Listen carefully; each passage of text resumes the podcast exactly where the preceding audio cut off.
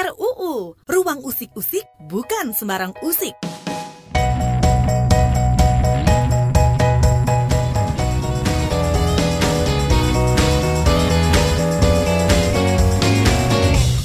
Kamu mendengarkan podcast Ruang Usik-Usik. Ini adalah kerjasama Koalisi Seni dan Filantropi Indonesia dengan KBR. Saya Naomi Liandra. Selama pandemi COVID-19 dan PSBB, siapa yang stuck di rumah aja nih?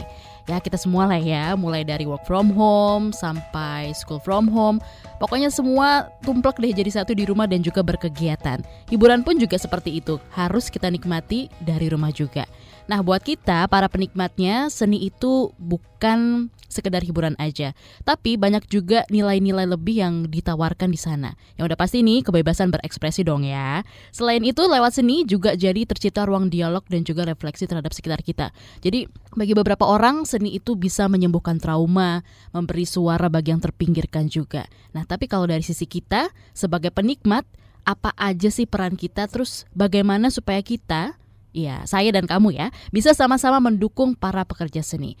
Nah, pertanyaan ini nanti akan dijawab Koalisi Seni dan Filantropi Indonesia lewat buku Seni Memberi untuk Seni yang baru aja diterbitkan. Hari ini dua narasumber kita kali ini juga akan menjawabnya dalam obrolan soal serunya filantropi seni. Bersama saya saat ini sudah ada Mbak Sofia Rengganis, Senior Tax Manager di kantor akuntan publik PricewaterhouseCoopers Indonesia. Halo Mbak Sofia. Halo. Sehat terus ya Mbak? Sehat. Oke. Dan ada juga Mbak Yuli Andari. Mbak Yuli Andari Merdingkan Nintias, penerima hibah Cipta Perdamaian Yayasan Kelola dan juga penggagas Festival Film Sumbawa 2019 ya Mbak ya, yang saat ini lagi melanjutkan studi di Polandia juga. Iya, benar. Oke. Semoga Halo, kita semua. semua dalam keadaan sehat terus ya Mbak ya. Ya, amin. Nah, kalau aku mau tanya dulu nih dari tangan Mbak Yuli. Ini kan hadir ya Mbak ya, banyak banget film-film dokumenter yang temanya budaya perdamaian, terus juga keberagaman sampai toleransi di Sumbawa. Misalnya nih kayak uh, joki kecil dan harmoni di tanah Sumbawa. Itu kenapa sih Mbak merasa penting untuk mengangkat toleransi dan juga keberagaman di masyarakat Sumbawa? Oke, terima kasih ya Mbak. Uh, pertamanya sih uh, saya berpikir bahwa keberagaman dan toleransi itu adalah dua hal yang menjadi kekayaan bangsa Indonesia.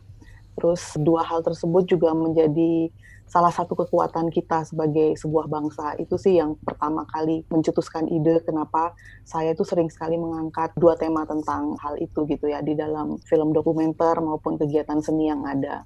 Nah, berangkat dari situ kemudian juga ada satu momen yang tahun 2013 itu tuh saya merasa keberagaman dan toleransi kita itu kok terusik gitu ya. E, dalam hal ini contohnya di Sumbawa. Nah, pada saat itu tanpa terduga gitu kan terjadi kayak semacam konflik antar etnis gitu di sana.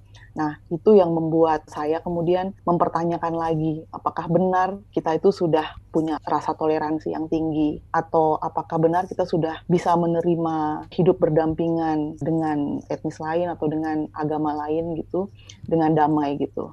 Nah, pada saat itulah kemudian karena ada pencetusnya ini, eh, konflik ini terjadi di Sumbawa yang nggak pernah terduga, akhirnya itu yang membuat saya kemudian mencoba mencari cara gitu ya untuk mempertanyakan lagi. Nah, salah satu caranya itu dengan medium seni seperti itu. Jadi, toleransi dan keberagaman ini sendiri menjadi salah satu konten yang ingin kita bangun gitu untuk mempromosikan lagi konten tersebut kepada generasi yang lebih muda. Itu sih alasan oh, pertamanya. Baik.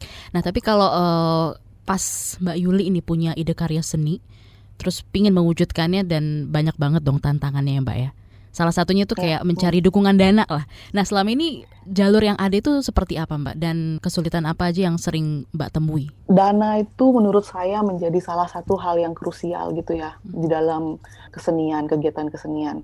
Sebelum saya balik kampung ini istilahnya ya, hmm. sebelum saya pulang ke Sumbawa, itu saya pernah tinggal selama 10 tahun lebih di Yogyakarta. Jadi saya kuliah di Yogyakarta, terus kemudian tinggal di Yogyakarta setelah lulus kuliah dan saya sempat bekerja di beberapa lembaga, uh, lembaga saya sempat bergabung di Kunci Cultural Study Center di sana, terus juga berkegiatan dengan beberapa lembaga kesenian seperti Yayasan Seni Cemeti dulu sekarang menjadi IVA atau terus uh, ada beberapa kegiatan dan jadi saya cukup kenal gitu dengan seniman di sana.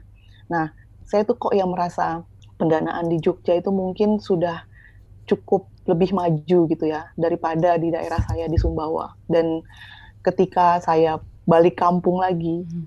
itu tuh hal pertama yang agak susah untuk dibangun itu adalah bagaimana caranya membuat satu mekanisme gitu ya atau infrastruktur yang bisa menciptakan agar seni itu bisa cukup sustain gitu hmm. berkelanjutan di Sumbawa. Nah di Sumbawa sendiri kan pelaku seninya banyak, terutama yeah. seni tradisi dan hal-hal yang diangkat itu pun tuh sangat menarik sebenarnya karena berkaitan dengan konten lokal, terus berkaitan dengan filosofi maupun pengetahuan lokal. Nah salah satunya tuh di Sumbawa itu ada semacam tradisi lisan yang mempromosikan perdamaian itu ada. Jadi sebelum saya riset tentang harmoni di tanah Samawa, itu tuh ada beberapa pantun-pantun pendek atau ada beberapa nyanyian-nyanyian hmm. atau kayak semacam mantra. Kalau di Sumbawa itu namanya lawas. Nah, lawas itu tuh kayak pantun pendek itu yang hmm. menceritakan tentang perdamaian, nilai-nilai perdamaian dan itu tuh kayak tradisi lisan yang di setiap kesempatan itu sering sekali ditampilkan seperti itu. Nah, hmm. tapi karena tidak terlalu banyak event, tidak terlalu banyak kesempatan untuk tampil gitu ya, karena alasannya tentu saja pendanaan itu menjadi alasan yang pertama. Nah, akhirnya seni-seni ini tuh perlahan-lahan itu uh, jarang sekali dipentaskan hmm. seperti itu. Nah, uh, kenapa kemudian saya salah satunya sering mencari cara untuk mendapatkan dana untuk melakukan kegiatan kesenian di Sumbawa, terutama dana dari luar Sumbawa sendiri? Karena di Sumbawa sendiri tuh belum banyak dukungan-dukungan untuk kegiatan seni. Jadi mungkin kalau misalnya kegiatan-kegiatannya bersifat seremonial pemerintahan gitu banyak gitu. Misalnya ulang tahun kabupaten, kemudian orang itu pakai baju hmm. berdandan, baju adat, ya itu setiap tahun ada gitu ya. Tapi bagaimana cara pemerintah mendukung untuk sebuah proses kesenian yang menjadi bagian dari salah satu bagian penting dari kehidupan masyarakat maupun sebagai upaya pemberdayaan gitu buat masyarakat lokal di Sumbawa itu masih sangat jarang. Nah, jadi kayak perlu kita mencari cara sendiri gitu loh. Saya sering sekali misalnya dapat kontak gitu dari teman-teman, nih ada kesempatan nih, kamu bisa ajukan hibah kayak gitu. Nah, dana-dana hibah seni seperti yang sudah dilakukan oleh Yayasan Kelola buat kami di daerah itu sangat penting kayak gitu. Karena tidak banyak lembaga-lembaga yang juga concern terhadap kesenian, terutama pendanaannya. Hmm, tapi kalau untuk perjalanan yang ngebawa Mbak Yuli ini berinteraksi dengan Yayasan Kelola ya Mbak ya, yang nyalurin filantropi dari sejumlah perusahaan kepada para seniman lah. Mbak Yuli ini mendaftar seleksi hibah cipta perdamaian Yayasan Kelola. Itu prosesnya seperti apa? Kita berangkat itu untuk sebenarnya bagaimana sih caranya kita, saya dengan komunitas anak muda yang ada di Sumbawa gitu, bagaimana sih cara kita berkontribusi gitu loh hmm. untuk uh, melihat level apa namanya eskalasi tensi konfliknya itu nggak terlalu tinggi. Nah pada saat itu ya menurut saya karena sasarannya waktu itu adalah anak muda, yeah.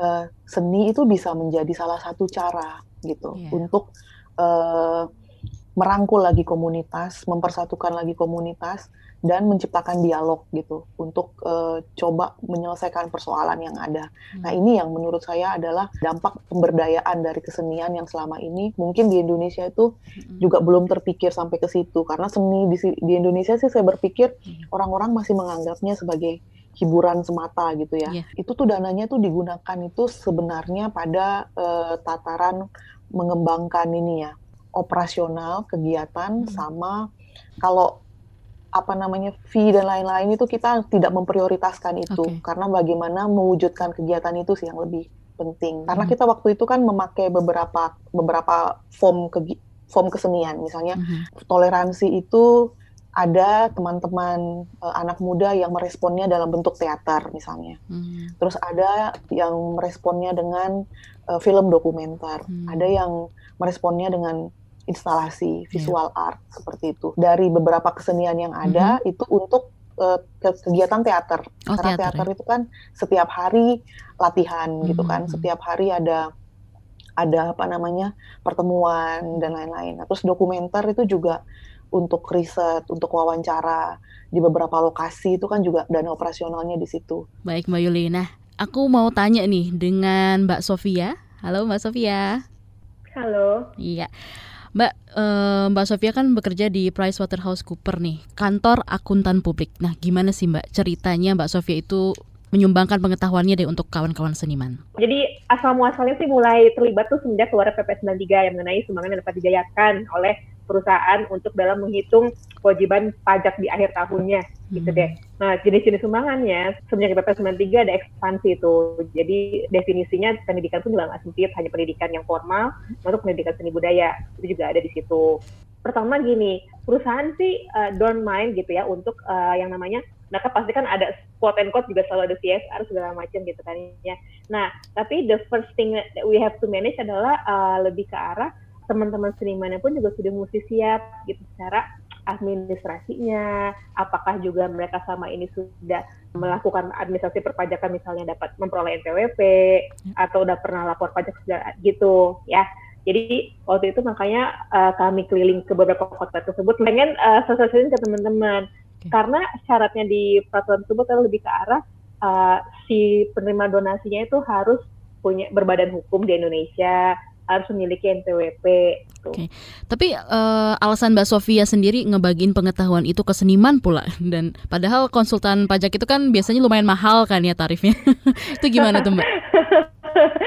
Oke, okay, nggak, aku personally uh, mungkin Melinda, uh, jadi aku tuh uh, ambil pendidikan fotografi di Galeri Foto Jurnalistik Antara hmm. angkatan 18. Nah, aku sendiri emang uh, aku nggak bilang aku adalah seniman seperti Mbak Yuli banget gitu kan. Enggak gitu kan. Tapi I, I do love art. Gitu gitu. Teman-teman tuh suka setiap tahun nih ya hmm. teman-teman tuh soft soft dulu pada gini cara ngisi SPT ya ya ngerti sih aku setiap tahun lupa orang ngisinya cuma setahun sekali gitu kan ya. Gitu. Jadi ya gitu deh karena itulah jadi sering bantu teman-teman lah. Oke, okay. nah ini mbak yeah. uh, dua pihak yang perlu saling dukung uh, untuk menjaga yeah. ekosistem seni itu kan adalah perusahaan ya dan juga pekerja atau mm. organisasi seni. Ini dari tahun 2010 sebenarnya kan kita udah punya peraturan yang kasih insentif pengurangan pajak kan ya untuk perusahaan yang nyumbang mm. untuk kegiatan kegiatan mm. seni lah. Itu benar nggak sih kayak gitu atau seperti apa penerapan dan bentuk sesungguhnya?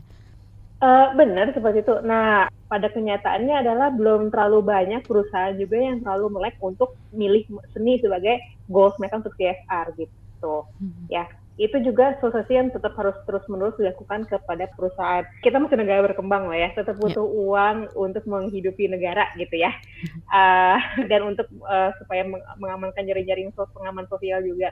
Nah, tapi pemerintah pun juga tidak kasat mata juga tetap memberikan fasilitas. Sebenarnya the facility is there gitu kan ya.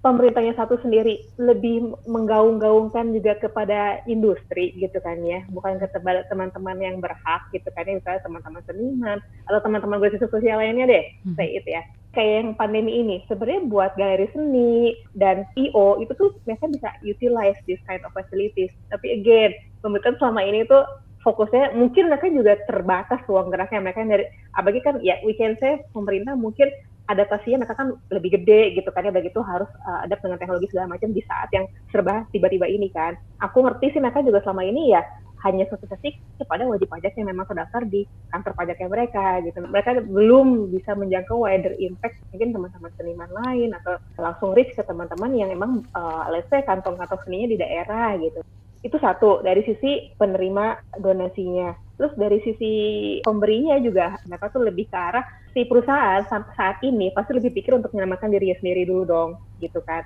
Nah mereka tuh lebih fokus untuk memanfaatkan fasilitas yang relevan ke diri mereka sendiri, misalnya kayak diskon cicilan PPH badan gitu, hmm. diskon uh, eh, PPH karyawannya ditanggung oleh pemerintah, kayak kayak gitu, gitu. Justru tapi maksud aku justru sebenarnya mungkin ini malah opportunity buat teman-teman seniman juga. Pertama, mereka harus bisa utilize juga fasilitas itu ke diri mereka sendiri, satu. Kemudian mereka juga bisa untuk mulai create communication lah dengan pemain bisnis bahwa oke, okay, ya ini udah new normal gitu kan ya. Mungkin kalau kalian masih mau consider ada CSR lain, nih kami bisa kok. Seniman ini justru adalah penolong kita supaya tetap waras nggak sih di masa pandemi ini ya nggak Mbak Yuli? Setuju. gitu kan. nah maksud aku kalian tuh bisa pakai that kind of point gitu untuk supaya uh, bridging ke pelaku bisnis gitu. Nah, uh, kita udah udah tahu peran besar nih ya semuanya nih untuk filantropi itu bagi hidup seniman dan juga karyanya dan juga gimana sektor korporat bisa ikut-ikutan mendukung sebuah inisiatif seni juga. Kalau kita sebagai individu bisa juga nggak ya? Nanti kita akan jawab setelah break yang satu ini. RUU, Ruang Usik-Usik bukan sembarang usik. Apakah kamu tahu soal Peppermoon Puppet Theater, teater boneka yang sudah pentas di penjuru Indonesia dan dunia? Mereka menjalin hubungan erat dengan penontonnya yang bisa dibilang filantrop seni juga. Salah satunya adalah Valentine Willy, pengacara kawakan dari negeri jiran Malaysia yang kemudian jadi kolektor seni dan kini mengelola Ilham Gallery, ruang seni publik di Kuala Lumpur. Bentuk dukungannya untuk Peppermoon beragam, mulai dari memberangkatkan mereka untuk residensi di Manila sampai menyediakan tempat tinggal di Ubud agar bisa pentas di Ubud Writers and Readers Festival. Apa sebabnya dia mau mendukung Peppermoon seperti itu? Valentine sempat bercerita pada koalisi seni. Dia membantu Peppermoon karena dua hal. Karya mereka membuatnya bahagia dan ia ingin menunjukkan kebahagiaan yang dibawa Peppermoon itu kepada lebih banyak orang. Nah, kalau seni membuatmu bahagia, yuk jadi filantrop juga untuk membahagiakan lebih banyak orang. Dana dari filantrop untuk seniman sangat penting karena belum banyak lembaga yang membantu. Bentuk filantrop bisa beragam, dana, pengetahuan, jejaring, maupun ruang. Bantuan filantrop tentunya membantu meningkatkan kemampuan seniman sehingga seni bisa makin berkontribusi merekatkan komunitasnya agar saling kenal, damai, dan toleran. Selain itu, seni terbukti membantu kita jadi lebih bahagia dan bertahan di tengah pandemi. Jadi, ini saatnya kita membantu ekosistem seni. Mau tahu lebih lanjut? Unduh bukunya di koalisiseni.org.id. RUU, Ruang Usik-Usik bukan sembarang usik. Halo, are back. Kamu masih mendengarkan podcast Ruang Usik-Usik. Ini adalah kerjasama Koalisi Seni dan Filantropi Indonesia dengan KBR. Saya Naomi Liandra. Nah, sekarang nih aku mau tanya lagi untuk Mbak Yuli. Mbak Yuli, sekarang kan kuliah program master ya tentang perdamaian dan konflik di Warsawa, Polandia. Ih, keren gak tuh? nah, menurut Mbak Yuli, seberapa besar sih peran hibah cipta perdamaian ini ngebuka jalan untuk ke sana? Ya, jadi tahun 2018 Oktober saya ikut beasiswa pemerintah Provinsi Nusa Tenggara Barat. Jadi uh, Provinsi Nusa Tenggara Barat, gubernurnya Pak Dr. Zulkifli Mansah sekarang ini kan punya program unggulan kayak gitu. Salah satunya adalah menyekolahkan seribu anak muda NTB ke luar negeri. Nah, program ini kan salah satu program beliau. Jadi, saya coba mendaftar program tersebut dan keterima. Nah, pada saat itu yang terbuka uh, jurusannya itu adalah International Relation, terus kemudian ada International Peace and Conflict Studies, sama satu lagi itu manajemen bisnis uh, internasional gitu kan. Saya mencari yang ada kaitannya lah dengan yang background relate. saya gitu. Mm -hmm. Nah, salah satunya itu ya International Peace and Conflict Studies karena baru saja beberapa bulan sebelum saya berangkat kuliah itu saya masih mengurus uh, satu kegiatan seni juga di Sumbawa Hibah Cipta Perdamaian 2018 yang kami dapat dananya juga dari Yayasan Kelola itu judulnya Simfoni Cinta untuk Sumbawa dan sekali lagi tuh temanya juga tentang toleransi lagi hmm. dan keberagaman lagi gitu loh karena ada kaitannya gitu hmm. akhirnya saya berpikir uh, saya pilih jurusan Peace and Conflict Studies gitu karena mungkin saya dapat sesuatu gitu. Hmm. akhirnya kan mungkin karena di Hibah Cipta itu kan saya uh, pelajari mediumnya ya seni uh, untuk konten perdamaian kayak gitu hmm. untuk mempromosikan perdamaian kayak gitu. Nah ketika di, di kuliah itu akhirnya uh, yang dipelajari itu justru kontennya kan perdamaiannya dulu peace buildingnya dulu kayak gitu. Baru terus kemudian seni itu adalah satu salah satu cara eh salah Mediasi satu ya. approach gitu, hmm. salah satu pendekatan yang hmm. dipakai gitu hmm. dalam peace building ini. Nah, jadi itu sih sebenarnya kalau dilihat dari apa namanya kaitannya seperti itu dengan studi saya saat ini. Oke. Nah, Mbak, apa sih manfaat dari belajar di sana untuk Mbak Yuli dan juga Sumbawa sendiri? Kalau manfaatnya sih uh, ini kan sudah semester uh, akhir lah uh, di apa namanya di kampus saya dan hmm. ini saya sedang menyusun tesis juga yang temanya tentang seni dalam pembangunan perdamaian. Studi kasusnya di Indonesia. Hmm. Uh, case tadi yang spesifik yang diambil itu salah satu proyek seni teman-teman di Ambon yang juga didanai oleh Hibah Cipta Perdamaian 2018. Judulnya uh, Ambon Art Walk. Nah, itu yang menjadi case tadi saya. Tapi sebenarnya dari situ saya mempelajari sebenarnya bagaimana sih dunia kesenian di Indonesia itu berkontribusi untuk peace building kayak gitu. Hmm. Jadi misalnya beberapa beberapa contoh yang saya lihat dari teman-teman dari hibah penerima hibah cipta perdamaian itu rata-ratanya kan mereka rata-ratanya para seniman di Indonesia kan sebenarnya ingin berkontribusi melalui kesenian untuk komunitas terdekat mereka. Misalnya ya saya di Sumbawa untuk teman-teman di Sumbawa, teman-teman di Ambon juga untuk komunitas terdekatnya seperti itu. Nah, kesenian di sini kan akhirnya bisa dipakai menjadi alat gitu untuk pembangunan perdamaian, untuk menyatukan lagi masyarakat yang terpecah karena konflik, untuk membangun lagi dialog kayak gitu, terus untuk berproses bersama dengan kesenian untuk mm-hmm. mempertahankan proses kesenian yang lebih berkelanjutan, proses-proses perdamaian yang lebih mm-hmm. berkelanjutan. Kaitannya dengan studi saya itu benar-benar sangat Related. banyak gitu mm-hmm. di luar negeri sendiri kan karena dia punya international organization juga memakai seni kan kemudian untuk mendekati perdamaian. Jadi dana-dana tentang pembangunan perdamaian melalui seni itu juga mulai banyak didukung gitu oleh international organization ini. Saya juga akhirnya jadi dapat beberapa ide gitu ya. Nanti mungkin kalau misalnya seandainya saya balik lagi ke Indonesia, seandainya saya pulang setelah menyelesaikan studi ini, ya mungkin ada beberapa ide yang bisa diterapkan. Tentu saja dengan menyesuaikan uh, kondisi yang ada di Indonesia seperti. Oh mantap ya. nah untuk uh, tadi Mbak Yuli sudah menceritakan gitu ya beberapa hal yang bisa dibilang berbagi pengalaman juga lah, di mana yang namanya seni itu bisa untuk kita sebagai individu juga bisa menyuarakan pendapat melalui seni yang beragam ya kan. Nah, mudah-mudahan nanti ide-ide yang nanti akan Mbak Yuli berikan juga bisa kita contoh dan kita tiru ya.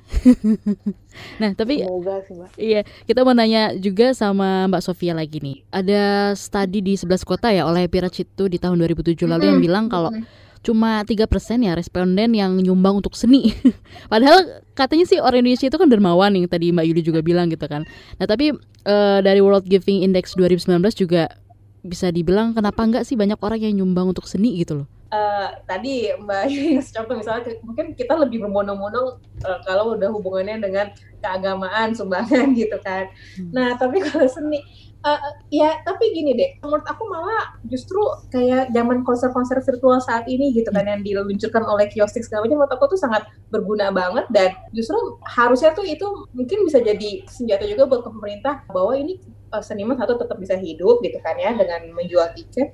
Dan ini tuh dihargai oleh masyarakat maka mereka membeli tiket gitu kan walaupun padahal ini jarak jauh gitu kan. Maksudku adalah apakah yang kayak gini tuh bisa juga regulasinya diarahkan untuk sebagai donasi gitu kan ya? Itu sih. Nah itu juga makanya bincang-bincang dengan pembuat kebijakan itu penting jadinya buat hmm. seniman gitu. Jangan kali jangan seniman tuh terima jadi oh ya udah deh peraturannya sebatas ini doang gitu. Padahal kan ya kalau kita bicara soal industri ya Mbak Yudi tahu banget kayak yang namanya industri yang seksi kayak uh, sawit, rokok itu kan.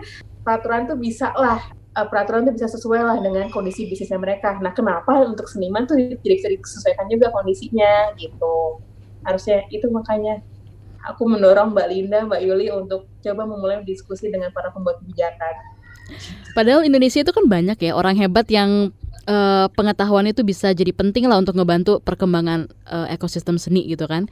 Nah, menurut Mbak Sofia ini gimana supaya mereka itu bisa tergerak nyumbangin pengetahuannya itu gitu loh? Ke mana aku sempat lihat Mbak Ika Fantiani ya, uh, kolase sempat ada diskusi dengan Fakultas Hukum UI untuk mengenai lebih ke arah royaltinya, lebih ke arah asetnya mereka gitu kan ya, how they appreciate the assets gitu kan.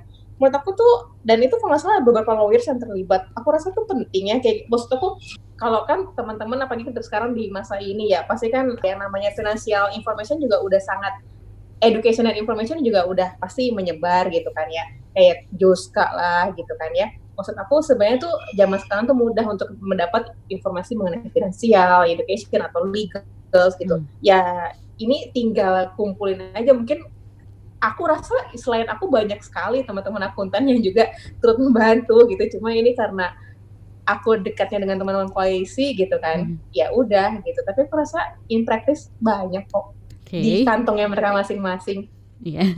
Nah, sebagai penutup ada yang ingin disampaikan mungkin dari Mbak Sofia atau Mbak Yuli? Mbak Yuli, uh, ini justru challenge TikTok tuh ya. ya, kalau kalau saya sih melihat eh, dengan dengan apa namanya dengan adanya ide uh, bagaimana masyarakat lebih berkontribusi dalam kesenian itu sebenarnya saya lebih melihat bagaimana kita mencoba me, bukan mengubah mindset sih, tapi lebih bagaimana meyakinkan, meyakinkan masyarakat bahwa kesenian itu adalah salah satu hal yang sebenarnya penting bagi kehidupan kita, bisa membangun kemanusiaan kita, bisa menyatukan kita sebagai komunitas sehingga kita bisa bersama-sama berkontribusi melalui kesenian. Hmm. Nah, misalnya uh, seperti pengalaman yang sudah kami lakukan di komunitas kayak gitu, itu kan sebenarnya masyarakat itu bisa mengekspresikan atau mereka itu bisa mengungkapkan bahwa kesenian itu penting. Kayak misalnya setelah pertunjukan itu kita bisa mendengarkan komentar-komentar mereka misalnya. Hmm. Waktu itu kayak Harmoni di Tanah Samawa kami iseng membuat kayak survei kecil-kecilan gitu ya tentang penonton. Sebenarnya apa yang kamu butuhkan, apa manfaat uh, kamu menonton acara ini? Apakah pesan perdamaian yang ingin dibawa oleh acara ini sampai? Uh, terus apa form seni yang melekat paling melekat misalnya waktu itu kan ada tiga jenis kesenian ada dokumenter teater ada audio project hmm. sama fotografi kayak gitu nah apa yang membuat kamu tuh merasa sangat tersentuh gitu ya atau paling mendapatkan pesan itu tuh dari pertunjukan seni yang mana. Jadi kita tuh juga bisa melihat apa yang menjadi ketertarikan masyarakat. Nah, pada saat itu mereka menjawab teater yang paling punya dampak. Hmm. Karena menurut mereka mereka seolah-olah merasa terlibat dengan menonton teater. Karena hmm. misalnya waktu itu pertunjukannya juga kita menggunakan konsep teater, teater arena gitu ya. Teater arena itu kita nggak pentas di panggung, hmm. tapi itu kayak penonton dengan pemainnya itu berbaur. Jadi uh, penonton itu bisa sangat dekat dengan seniman yang tampil gitu ya, hmm. sehingga mereka itu juga merasa menjadi bagian dari pertunjukan. Mereka itu bisa jadi ada ikut dilibatkan juga langsung ya. Dan ya, jadi ada interaktifnya. Hmm. Jadi itu yang membuat mereka itu justru merasa bahwa saya juga uh, bisa mengekspresikan apa yang saya ingin ungkapkan. Misalnya ada pemain teater pada saat itu yang misalnya menanyakan sebenarnya toleransi menurut kamu tuh apa? Itu langsung ke penonton gitu loh. Jadi penonton itu pada saat itu tuh juga bisa langsung berkomunikasi, bisa langsung hmm. juga menjadi bagian dari pertunjukan itu sendiri. Hmm. Nah, ini yang menurut saya itu dalam hal ini kan mereka bisa memperlihatkan kontribusinya dengan berpendapat gitu ya. Kenapa enggak kita coba gitu mengetuk kalau mereka merasa penting kesenian itu penting buat mereka gitu.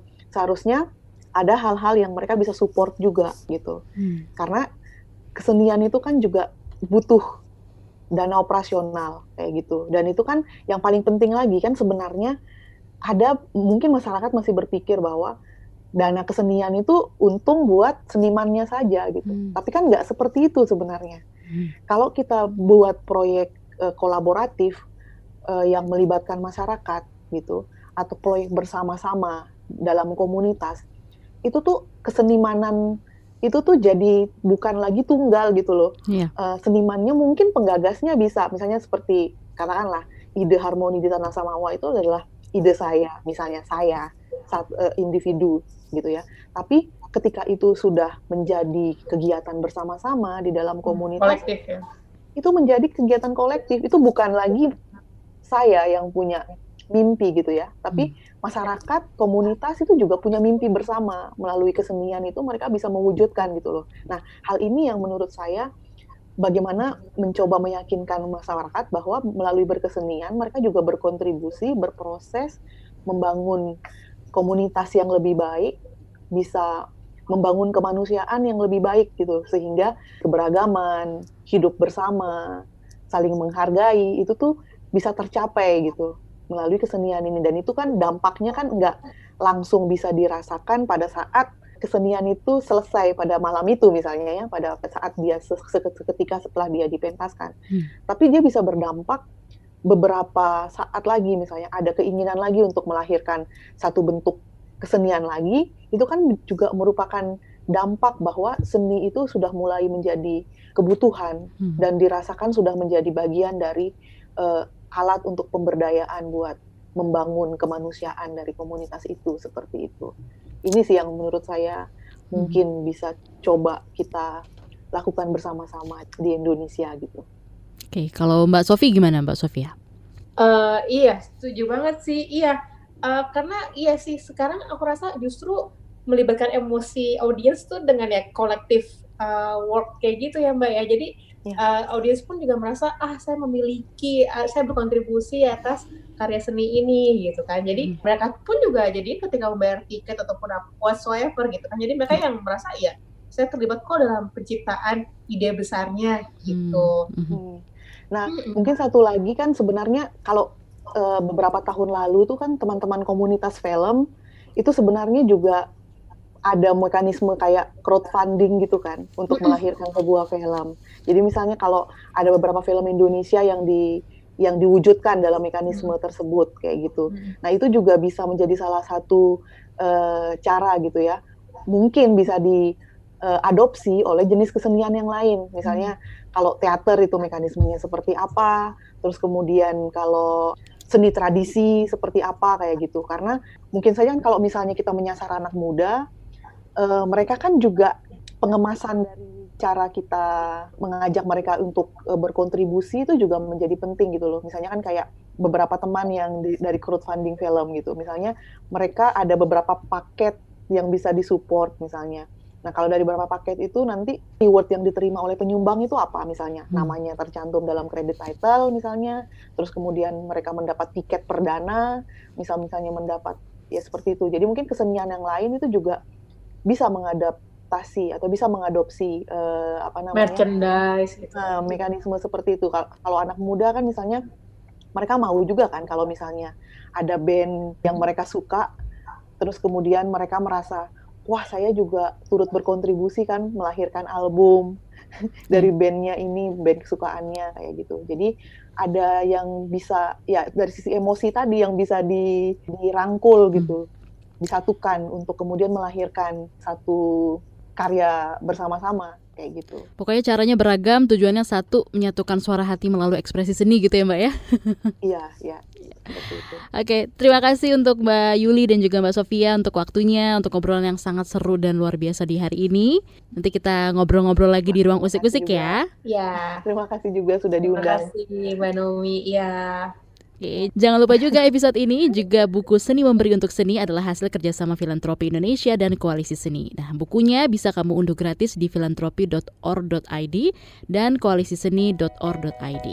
Saya Naomi Liandra pamit dulu.